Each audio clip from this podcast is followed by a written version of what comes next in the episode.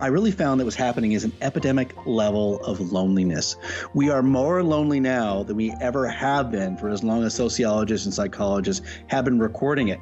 One little piece of data is back in the 1980s, the average American had four good friends, four confidants, and now the Amer- average American has less than one.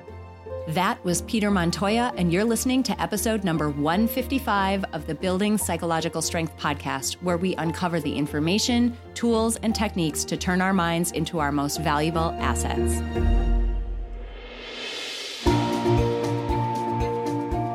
The courage to face fears with persistence.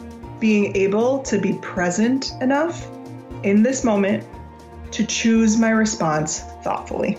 We have the strength to bend to life stressors, to bend to adversity without snapping, without breaking. There are only six things that contribute to our quality of life, and they are all experiences. In every moment, we are deciding who we want to be and how we want to live our lives. Noticing what your brain is doing and then being able to make choices mobilize the things that we know lift us up. Fear is not logical, it's primal. Hello, friends, and welcome back to this episode of the podcast. My name is April, and I'm your host. You know, it's an interesting time of the year, right? beginning of January, there's a lot of new beginnings. People spend a lot of time at this time of year, you know, reflecting on the prior year and thinking about how you want this year to go and how you might want things to be different than they've been in the past. I know I've spent the last few weeks doing a lot of work in looking at different facets of my life and thinking about what I want to do differently this year and what, more importantly, changes and what actionable steps I can take to start moving the needle in the direction that I want to go. And I wanted to make sure you knew about a free resource that we have in the Peak Mind Center that you can take advantage of that can help you do that this time of year. I actually encourage people to take advantage of the motivation and the impulse that you have at this time of year to set new goals and try to do things differently and be a bit more intentional. Sometimes New Year's resolutions get a bad reputation, but I think they can be incredibly powerful if done the right way and if given uh, the right amount of thought. So, free resource for you inside the Peak Mind Center, if you go to peakmindpsychology.com, you can go to the Peak Mind Center up at the top navigation, and you'll see something called the Peak Mind Starter Pack. Inside that starter pack is a module uh, called Life Blueprinting. This is something that I put together. There's a video and there's also an accompanying workbook for it. This is a module that I put together to help people who are in a position where you kind of feel a little stuck. You feel like, ugh, things just don't feel as aligned, or there's just more friction than I want there to be, or I just feel like I'm not going in the direction that I want to be going. So it's really for people in a position where you feel like you could use a little bit more clarity. I put this module together, which combines the fields of psychology and also a lot from the field of life design. So we use a lot of design thinking exercises in this module.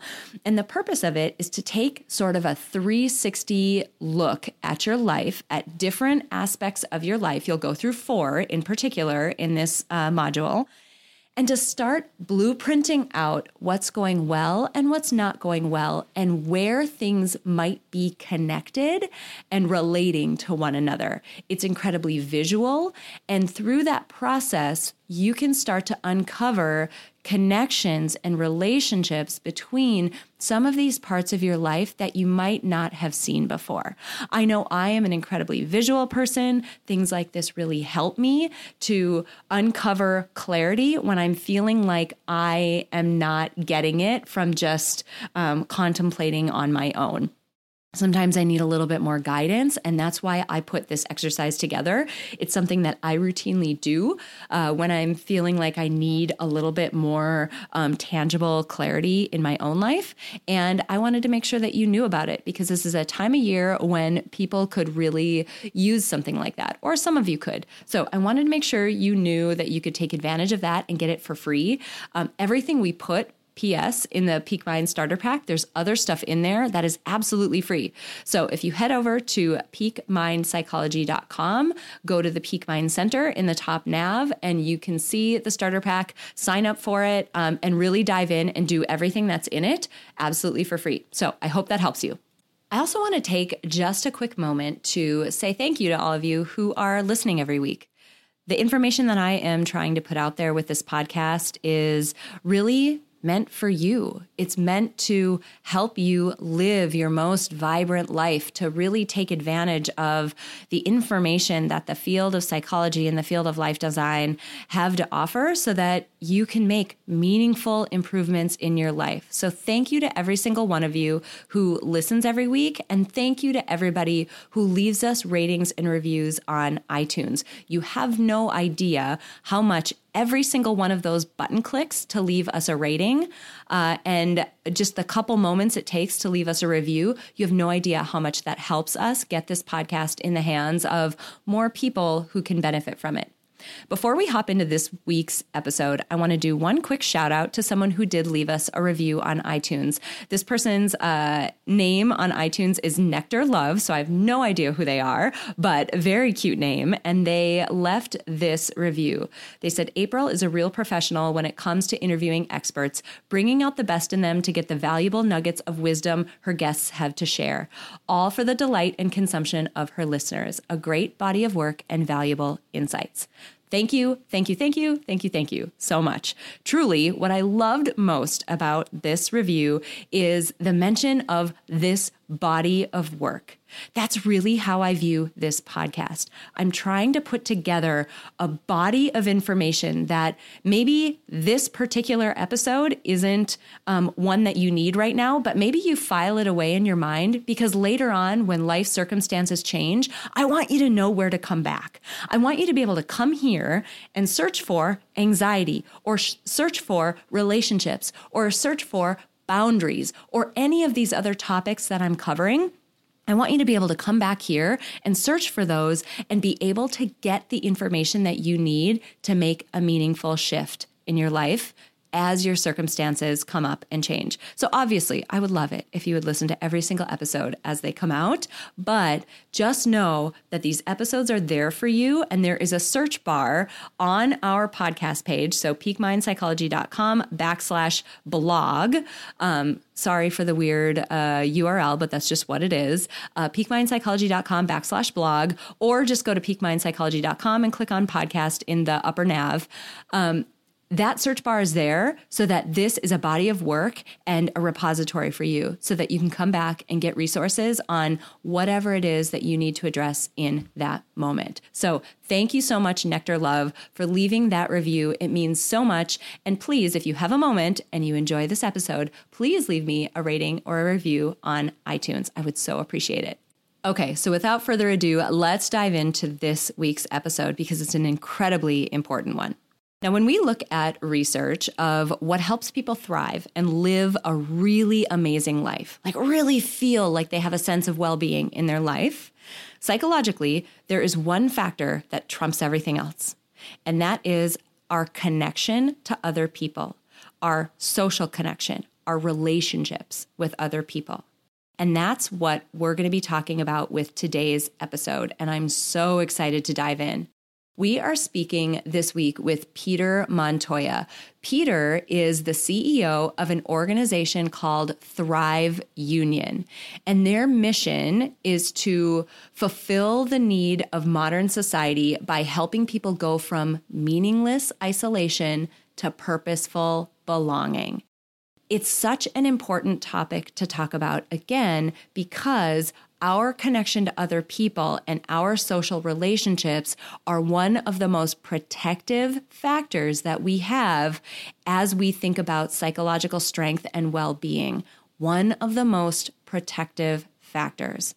Now, it's was a really interesting conversation with Peter because obviously, you know, we talk about the importance of, you know, social relationships. I already mentioned that, but he goes into some depth on some things that I haven't ever covered and one of which I haven't ever heard of anybody talk about before. So, specifically, Peter mentions the difference between high intensity and low intensity relationships and the degree to which each of them is important in supporting your psychological well being. I was shocked at how this balance between high and low intensity relationships, how that actually functions, like what the research tells us about the importance of those types of relationships. We also have an incredibly valuable, super hands on discussion about boundaries, what they are, how important they are in facilitating relationships. Now, sometimes we feel like boundaries are something that create issues in relationships or they're confrontational or they're being mean. We have such a good conversation about what boundaries actually are and how you can enforce them in a way that is empowering and also supports the relationship and deepens it. So, so good. He talks about this 80, 80, 80 80 year long study that was done at Harvard about the importance of relationships, about who was in that study and what they found. You're going to want to catch that because it is awesome, so interesting. And we talk about where uh, things like technology, social media, other types of media, um, things like that, where they fit into this equation and what they're actually doing. Sometimes social media can feel very social, right? Social media. It can feel like we have a social connection, but it's not the uh, meaningful connection that we're talking about on this week's episode. So you're not going to want to miss that part of the episode either, because it'll make you think differently about the way that you use your phone. Okay, friends. So I hope you, I hope I have you excited about this week's episode. It was such a fun interview to conduct. Uh, Peter is a wealth of knowledge about this topic area, and I absolutely can't wait for you to hear that interview. All right, let's roll that tape. Peter, I'm so excited that you are here with us on this episode of the podcast because the work that you're doing is so aligned to what we're doing on the podcast and with Peak Mind. And I know this is going to be a great conversation. Hi, April. I'm super excited too. So, so much of the work that you do, I'm just going to dive right in because it's such an important topic. So much of the work that you do focuses on community and building relationships. Tell me why that is such a passion of yours and why it's such an important topic for us to be discussing today. I've been uh, maybe for the last five or six years, I've been completely and totally unable to watch the news anymore. Uh, the news has become basically this battle between people not trying to solve problems, but rather to vilify one another. And as I started to kind of um, dig down to figure out what was going on there, I really found that what's happening is an epidemic level of loneliness. We are more lonely now than we ever have been for as long as sociologists and psychologists have been recording it. One little piece of data is back in the 1980s, the average American had four good friends, four confidants, and now the Amer- average American has less than one. That means if somebody uh, is having a hardship, an emotional turmoil, needs the help to move, a lot of people have nobody they can rely upon anymore. How does that? That's shocking to me. I mean, because if you think about just what those close relationships provide to us both you know emotional support and also just practically somebody who's there to help if you need that help what has led to that decline? What do you feel like is causing this really massive shift? Because that's a huge decline in the number of close relationships that we have. Well, first of all, we've developed our whole culture this way, and the underpinnings of our culture in this capitalist society is all about performance. Let's, you know, kind of compartmentalize and minimize any humanity we may have so we can optimize our performance to make as much money and be productive as we possibly can.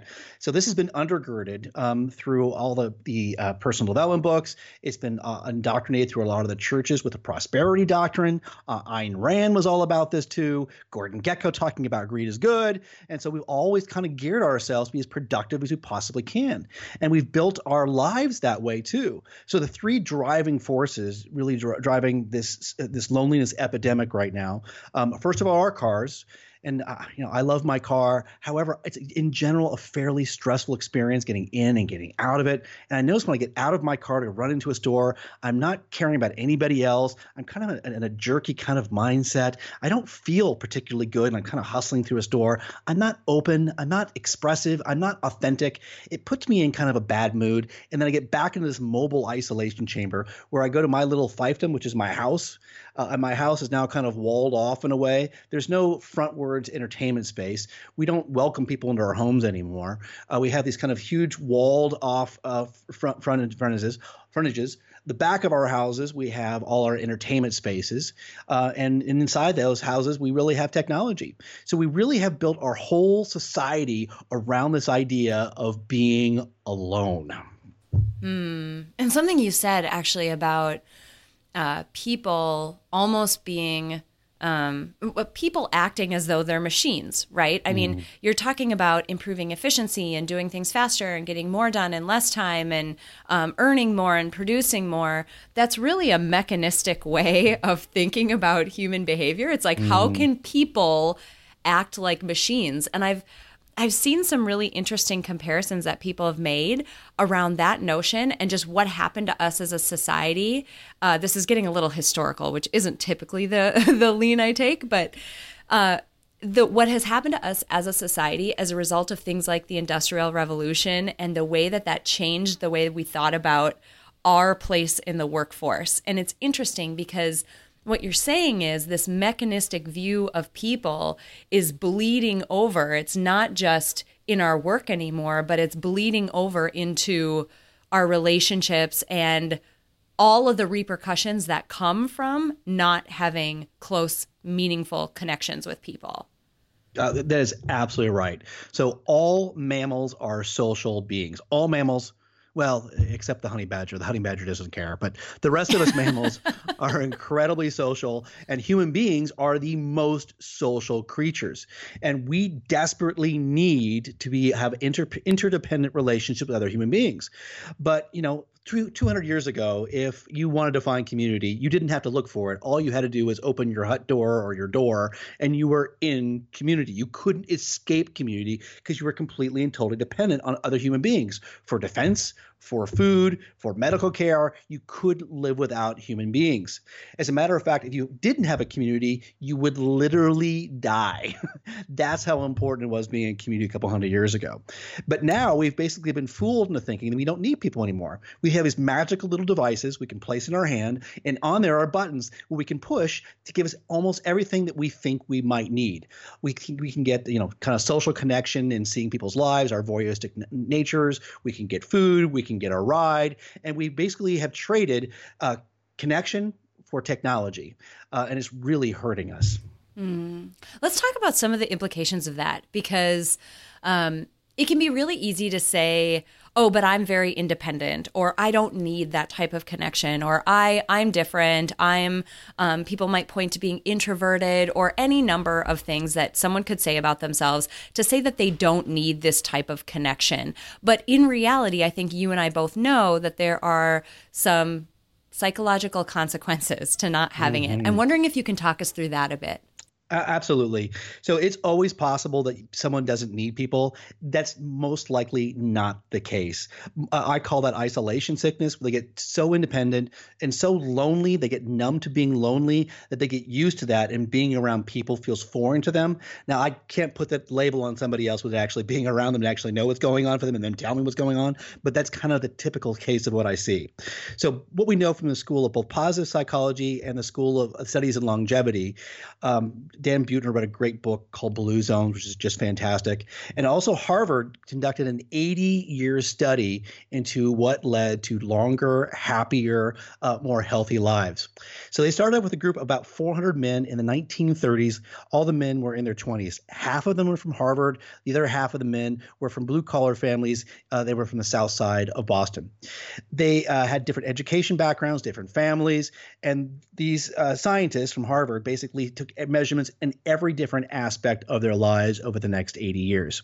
Uh, a lot of these men got, you know, got undergraduate degrees, law degrees. They became lawyers. They, a lot of them went to World War II. Uh, a lot of the blue collar uh, family uh, boys uh, on to become bricklayers and truck drivers. A lot of them died in World War II. One became president of the United States. That was John F. Kennedy. Uh, one became a Secretary of State. I can't remember who that was.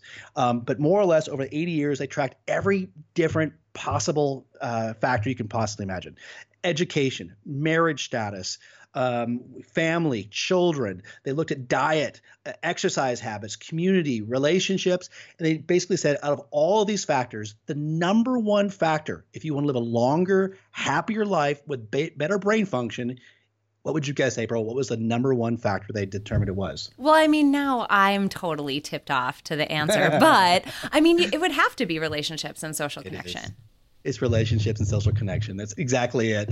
Some people have guessed it's purpose, and some people think it was money, and some people think it's marriage status. It is not. It is both your high intensity and low intensity relationships. Uh, and if you read the book Blue Zones by Dan Buettner, he found the same thing too. It's all about relationships. It feeds us in a psychological way that nothing else can. Uh, that's amazing. Okay, you just said something that I've never heard somebody say, and I want to dig into it a little bit. You said high intensity and low intensity relationships. What do you mean by that? Yeah. So your high intensity relationships are your roommates, your best friend, your ch- your children, your spouse. Those are your high intensity relationships, people you spend a lot of your time with. Now your low intensity relationships are almost as important. Your low intensity relationships are those casual interactions that you have during the course of the day. The person you're ordering a sandwich from, the mail person who you see uh, as they're delivering your mail. Uh, it's that casual person. So I, I used to think, I, and I am, you know, still a recovering uh, arrogant uh, person here. I, I used to think that being nice to these casual people was me giving myself of them, and I thought I was doing them a favor by being nice to them. Uh, all the while, I now realize that me being engaged and kind, yes yes, it makes their lives better, but more importantly, it makes my life better. That is very important to your psychological health to have open eyes, actually looking into the person, saying a big hello, asking them engaging questions, whether it be a, a, a waiter or a, uh, a hotel clerk or at an airline. All those relationships that are kind of casual are really important.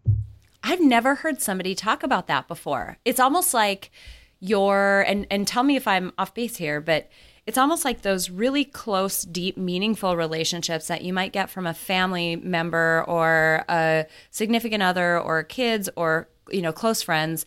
Those are you know this big uh, dose of this medicine, right? Like a really big dose, and you get little micro doses throughout the mm-hmm. day from these interactions with you know more um, casual you know mm-hmm. relationships that you might have. Yeah, that's exactly right. So those high high intensity relationships are probably sixty percent of your relationship dose, and those casual, uh, intermittent encounters are probably like forty percent or something like that. It's really really important. So you know, I make a big habit of making sure that I'm always engaging, giving full eye contact, phone down when I'm ordering food or uh, you know, at the gas station. I'm always looking for opportunities to kind of exercise this low intensity relationship building. What's really interesting about that too is, I mean, forty percent is a good chunk, right? Mm. Of of us getting this dose of this, you know, interpersonal medicine that we need not only are you getting it though, right? By doing that mm. and setting the intention to go look someone in the eye, be there and be present in that even quick conversation or just exchange of a couple sentences, by you doing that, but you're also giving that dose to that other person because you're actually there and looking them in the eye, right? They're receiving that same thing because there's two people in that interaction. You are absolutely right. Ah, so cool. So cool. And you mentioned and this is coming to um, some interesting uh, implications, I would say, for the way that we use devices. And I will 100% put my hand up and say I am guilty so much of, of so many of these things. But you can't have that intentional, present, real purposeful, even exchange of a couple of sentences, that microdose with someone, if your face is in your phone or if you're mm-hmm. talking to them while you're mm-hmm. looking at your phone. So you're missing out on 40% of that medicine that you could be getting because you're constantly looking down at your phone. That is absolutely accurate. So I love my phone. I'm able to run my life off my phone, uh, but I make sure I use my phone correctly. Technology is at its best when it connects us for real world interactions. It's at its worst when it keeps us from connecting to the person to our left or right. So I do a ton of business travel, and oftentimes I go to the, the, the hotel bar at six o'clock or seven o'clock. And when I used to go in there, you used to see, you know, 10 years ago, everyone would be talking with the bartender or making up conversations. And now everyone is buried in their phones. It is so sad to me.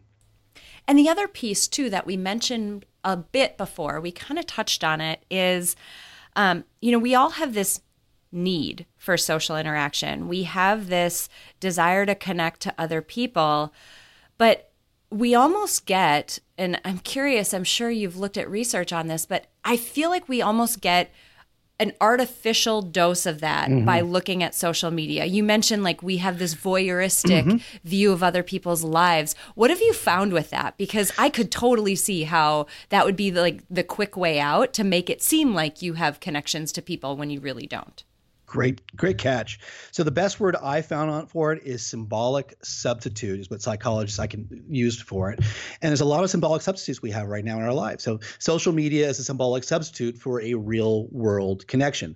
Uh, adult films might be a symbolic substitute for a real intimate relationship. A pet might be a symbolic substitute for a mature adult complex relationship.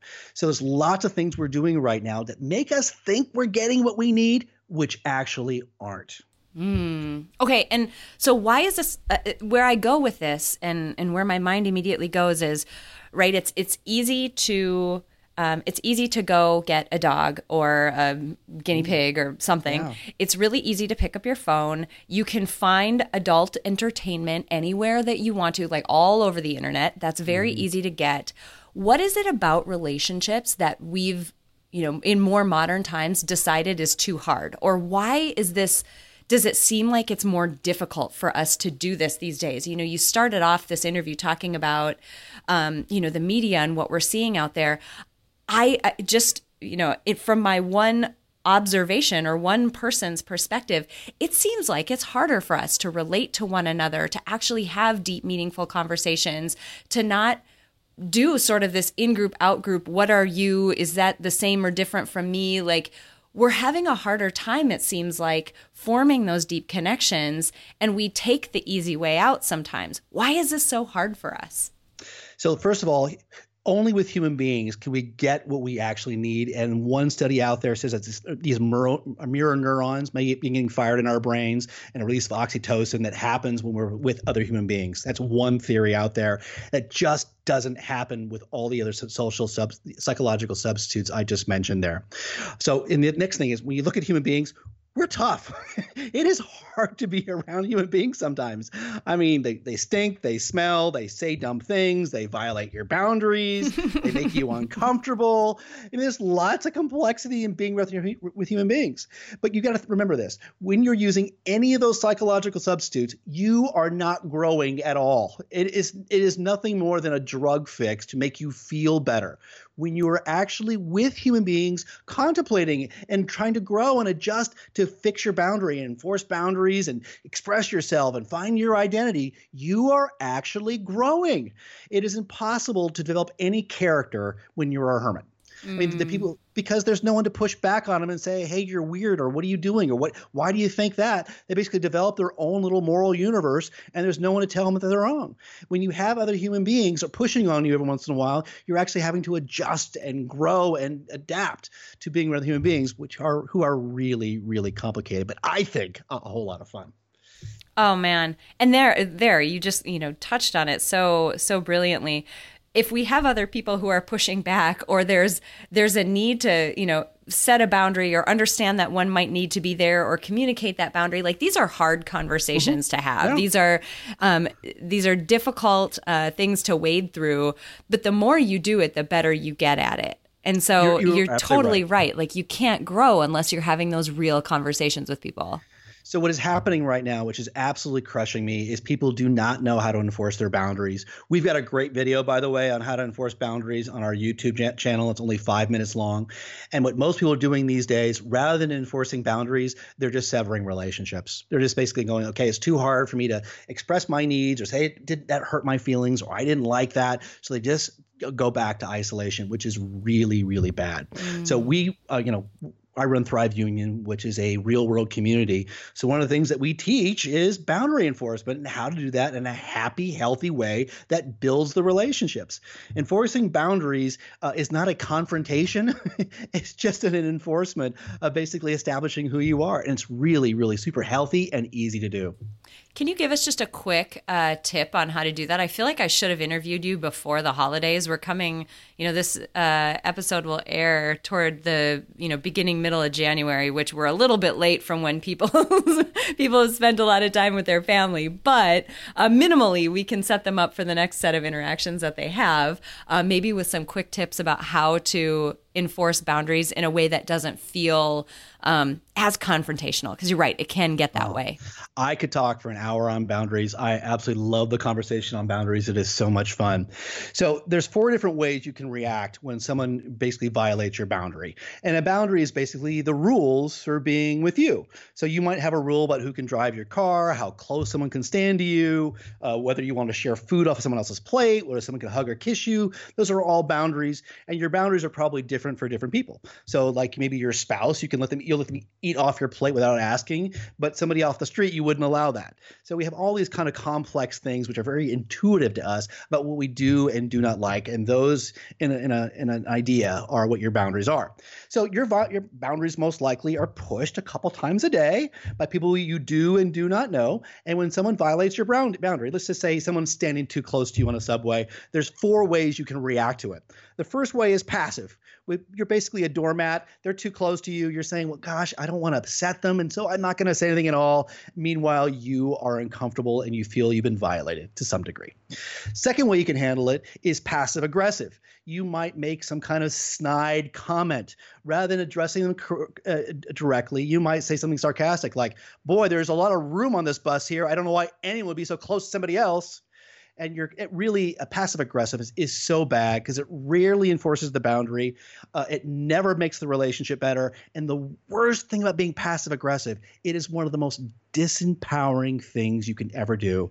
You're basically communicating to yourself that you are not worthy of enforcing your boundaries. Mm. it is a horrible terrible thing to do for you uh, the third way of handling it is very aggressive. This is a very New York style. Hey, buddy, step off. You know, kind of loud and aggressive. You might curse or actually push them. That's aggressive. And the best way to enforce your boundaries um, is actually assertive hey, um, excuse me, I'm sorry for bothering you. Would you mind stepping back just six inches or so? Oh, thank you so much. Uh, the whole idea with boundary enforcement is to maintain your boundary while building the relationship. So you do it kindly, you do it politely, and you do it immediately and assertively. Mm. I love that. That is so good. And it's it seems so simple, right? like you say it and it seems so simple, but we don't do it very often. We do resort to some of the like the other three.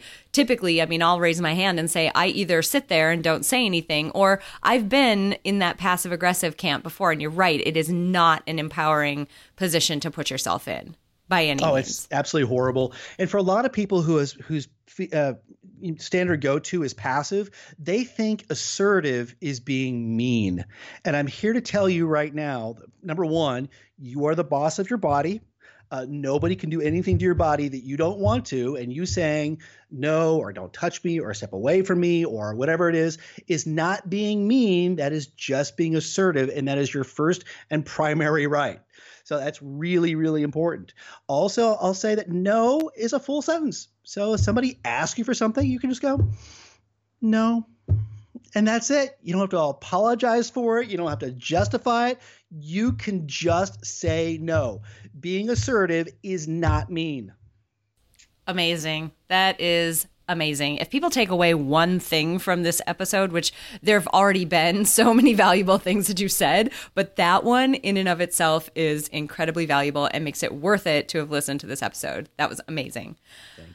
You've mentioned a bit about, you know, you, you kind of mentioned your YouTube channel in the video. I would love for people to hear a little bit about the full spectrum of the work that you do. You have this amazing life school. I mean, you've got this incredible community. Can you tell us a little bit about what it is and just the elements that go into it? Because it's so thoughtful and, um, I guess, holistic from the perspective of supporting a person to thrive more in their life. Oh, thank you for saying so. Yeah, so we are a real world community and a life school. A real world community means we actually meet in person. So we have a two hour meeting every Sunday morning here in Orange County, California. It goes from 11 until 1 o'clock. And we do connection exercises, we do calm, we practice calm and meditation. And then we also share some content that'll help people actually improve their lives. We have 30 to 50 people who get together. Uh, we're not a religion, we're not a cult, we're not political. We're just a group of really nice people who likes to be around other nice people and do good things. That's it. So that's uh, our real world community, and you can learn more about that at thriveunion.org. Uh, and then we're also a life school. And the way I like to describe the life school is this: is do you remember that class you took in high school, which taught you about emotional intelligence, relationships, how to achieve your goals, how to be more responsible, integrity? And the answer is, of course, not. We were more or less trained in hard skills, but none of the soft skills that we really need to live life.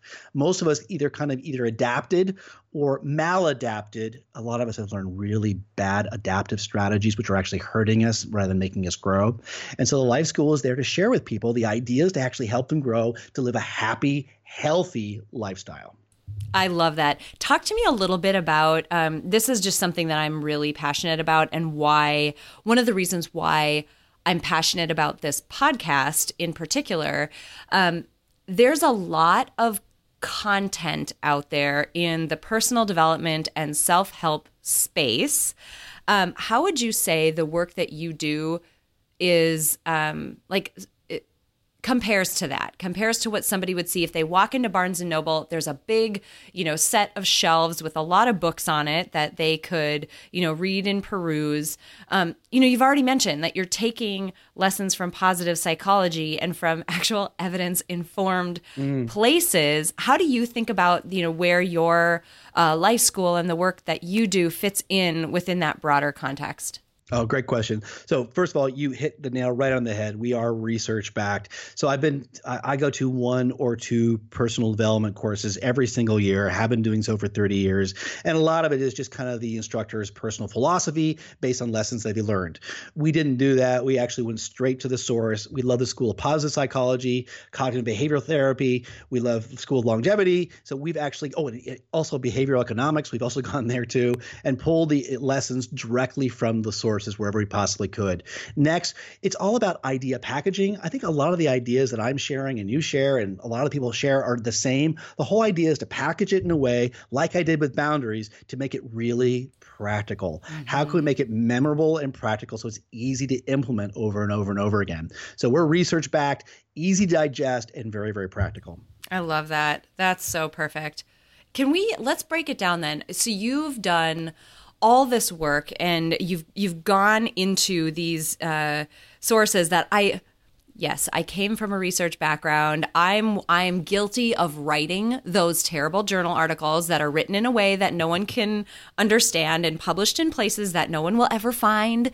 Um, I'm one of those people, but there's incredible value there, and there's incredible value in someone mm-hmm. like you who will go in and read all of that research and understand it and take the time to synthesize it and package it up and bring it to people in a way that they can actually apply.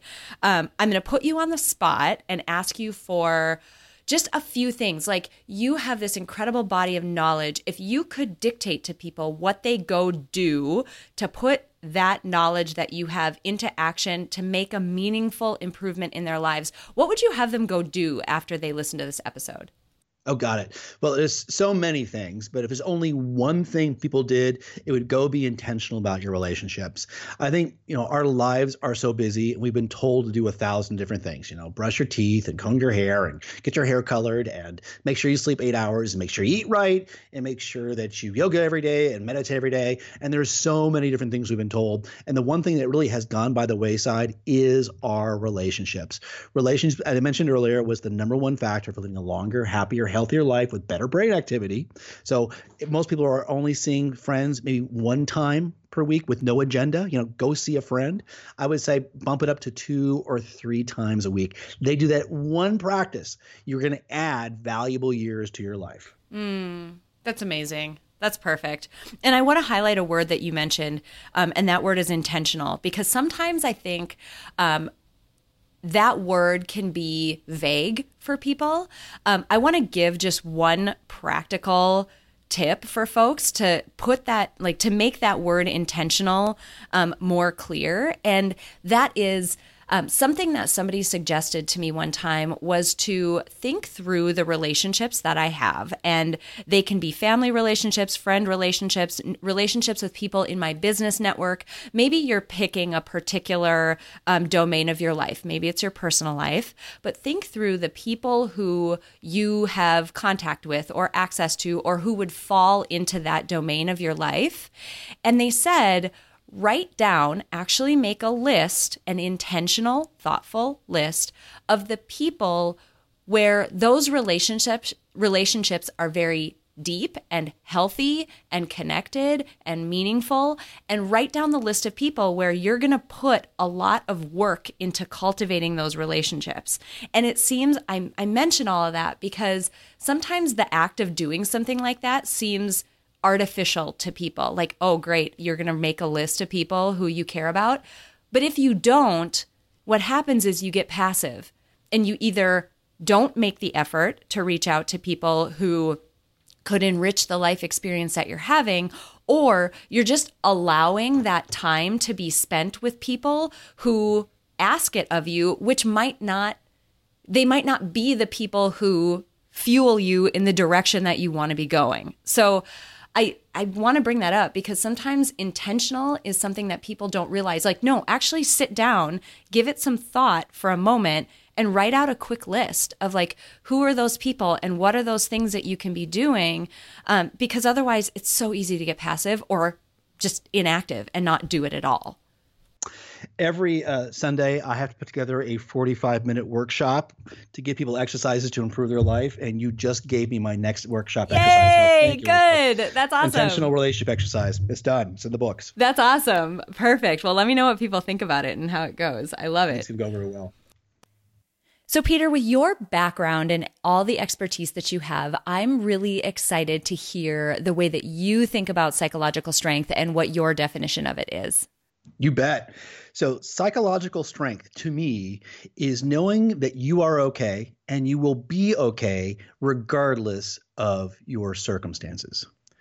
Let me unpack that a little bit. So, being okay means that I love myself, I am wholehearted, I am okay with me, uh, regardless of what kind of crap is going on in my world. And then I know that going forward, no matter what problems I may be facing, that I my circumstances will eventually be okay, no matter how bad they are today. I love that. I love that, um, you know, because sometimes within positive psychology and the area of the field that, you know, we both kind of focus on, it can get this reputation that everybody's supposed to just pretend like everything's everything's good and we're supposed to just assume that life is uh, good all the time. And I love your definition because it um, really shows that it doesn't matter what your external circumstances are, knowing that you're going to be okay no matter what those are is a really big source of strength strength. So that is wonderful. It is. And so uh, I know there were times in my my teens, in my 20s, when you know I would go through life drama, and I really thought I wouldn't be okay, and I didn't think it would ever be okay. But now, because I've got three really great sources of psychological strength, no matter what befalls me, I know that I'm okay, and I know I'll be okay. Amazing. So let's actually go there. Before we close out this interview, I'd love for you to give um, some actionable tips. It sounds like you've already got some. So I would love for you to share those three sources with uh, our audience so that they can start to implement um, some of the some of that value and some of those things that you were talking about. So the first one is this: is most of us were raised with the big lie. Here is the big lie: you are only worthy of love and acceptance if you behave perform, or achieve. Mm. That was the paradigm under which I was raised. I was taught that children were meant to be seen and not heard. I was meant to basically do what my parents told me to do. And I was only good if I behaved or if I achieved in school. That was kind of this if then transaction between me and my parents. It was an if then, then I'm worthy of love and acceptance. Uh, and I completely and totally reject that notion from both our society and also in parenting.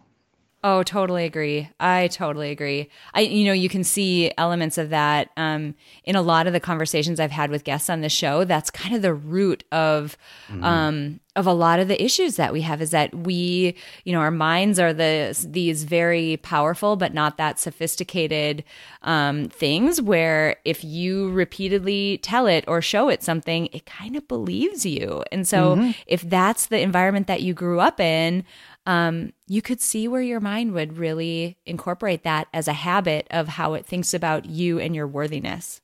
Absolutely.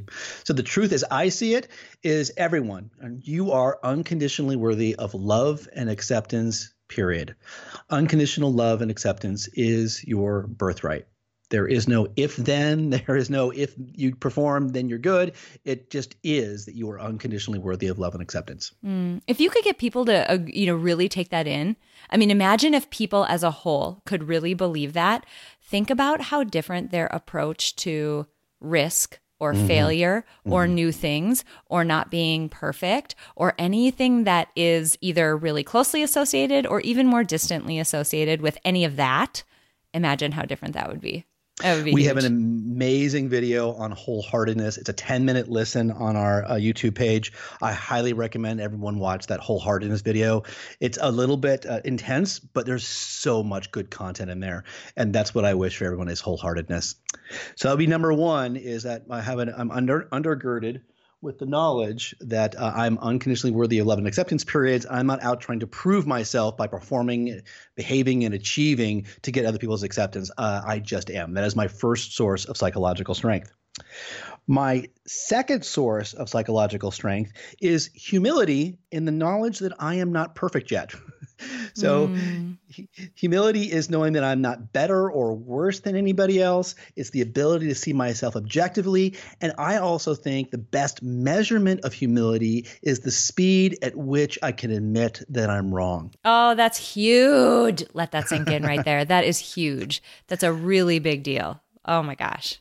So I want to catch my mistakes, which are plentiful every single day. You know, I say d- dumb things, I do dumb things, I violate someone's boundaries, I, you know, don't think things clearly, I step in it on a regular basis. And as soon as I recognize that I'm not perfect yet and never will be perfect, and that I'm just trying to become better, that I'm kind of humble in that regard, it takes all of the pressure off of me um, to actually have to perform. And strangely enough, I perform better as soon as I recognize that I'm not perfect. Mm. I absolutely believe that. I mean, think about the um, just cognitive resources we use up just kind of ruminating and worrying about our own performance. And if you put those two together, I'm not perfect yet, and it's okay because I'm valuable just in and of myself. Um, that's mm-hmm. really freeing for people. Okay, now I'm excited. What's the third one? I'm super pumped about this. And the third one is is definitely relationships. Uh, I spent the better part of 40, 45 years or so being hyper individualistic. Um, really, I had lots of independent friendships, but they were all disparate friends. And I didn't have a community. And it wasn't until that I was into an intentional community with interconnected friendships that I really felt wholeheartedness once again. Um, it's wholeheartedness in knowing that you belong. That's really what it is belonging. You have a group of interconnected friends where you know them and they know you, and they can tease you about your idiosyncrasies, and it's funny to you. That's when you know that you have belonging. Uh, and that's what I wish for anybody is interconnected relationships, a group of friends, no matter how much of an introvert they say they are or how much social anxiety they say they have, it really needs to be the goal for all of us to have that kind of a network of friendships so you feel belonging. So good. That is so good. I love it. Great resources for people. I encourage you all to go peruse that YouTube channel, to take a peek at um, at Peter's website. I mean, really look through this uh, amazing information because, as we've mentioned, it's such an important um, factor in how well we're doing and uh, just psychologically how strong we are. Peter, I want to thank you so much for coming today, for sharing all of this background and information. Um, this has just been a treat, and I really feel like I could have gone down about six more rabbit holes and kept you on this interview for another 45 minutes, but I know people's schedules just don't allow for that. So thank you so much for being here and for sharing everything uh, that you have to offer with us. It was great. Thanks, April. Let's do it again. It's a simple fact that nearly everyone in the world could benefit from building psychological strength. But not everyone will put in the time and effort to do so. But today you did. Thank you so much for listening to this episode of Building Psychological Strength. Now, if you're interested in building the mental toughness, confidence, and resilience you need to thrive through life's ups and downs, visit us at www.peakmindpsychology.com. Also, if there's someone in your life who could benefit from this episode, please share it with them. And if you yourself found this episode valuable, meaning if you took away even one insight that you can use to build psychological strength in your own life, we would so appreciate it if you would drop us a rating and a review on iTunes. The thing is, the more ratings and reviews we have, the easier it is to get this powerful and important content out to the people who need to hear it. Remember, your mind can be your most valuable asset or your biggest liability, and you get to choose. So choose wisely, my friend. And I'll see you next time on Building Psychological Strength.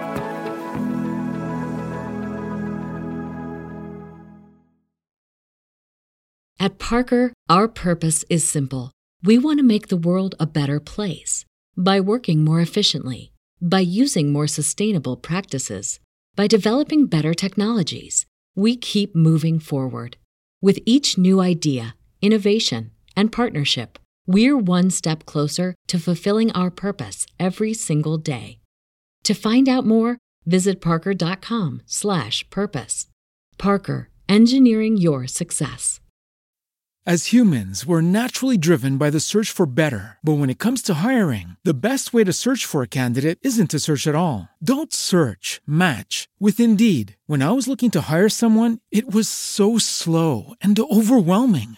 I wish I had used Indeed. If you need to hire, you need Indeed. Indeed is your matching and hiring platform with over 350 million global monthly visitors, according to Indeed data, and a matching engine that helps you find quality candidates fast. Ditch the busy work. Use Indeed for scheduling, screening, and messaging so you can connect with candidates faster. And Indeed doesn't just help you hire faster. 93% of employers agree Indeed delivers the highest quality matches compared to other job sites, according to a recent Indeed survey. And listeners of this show will get a $75 sponsored job credit to get your jobs more visibility at Indeed.com slash podcast. That's Indeed.com slash podcast. Terms and conditions apply.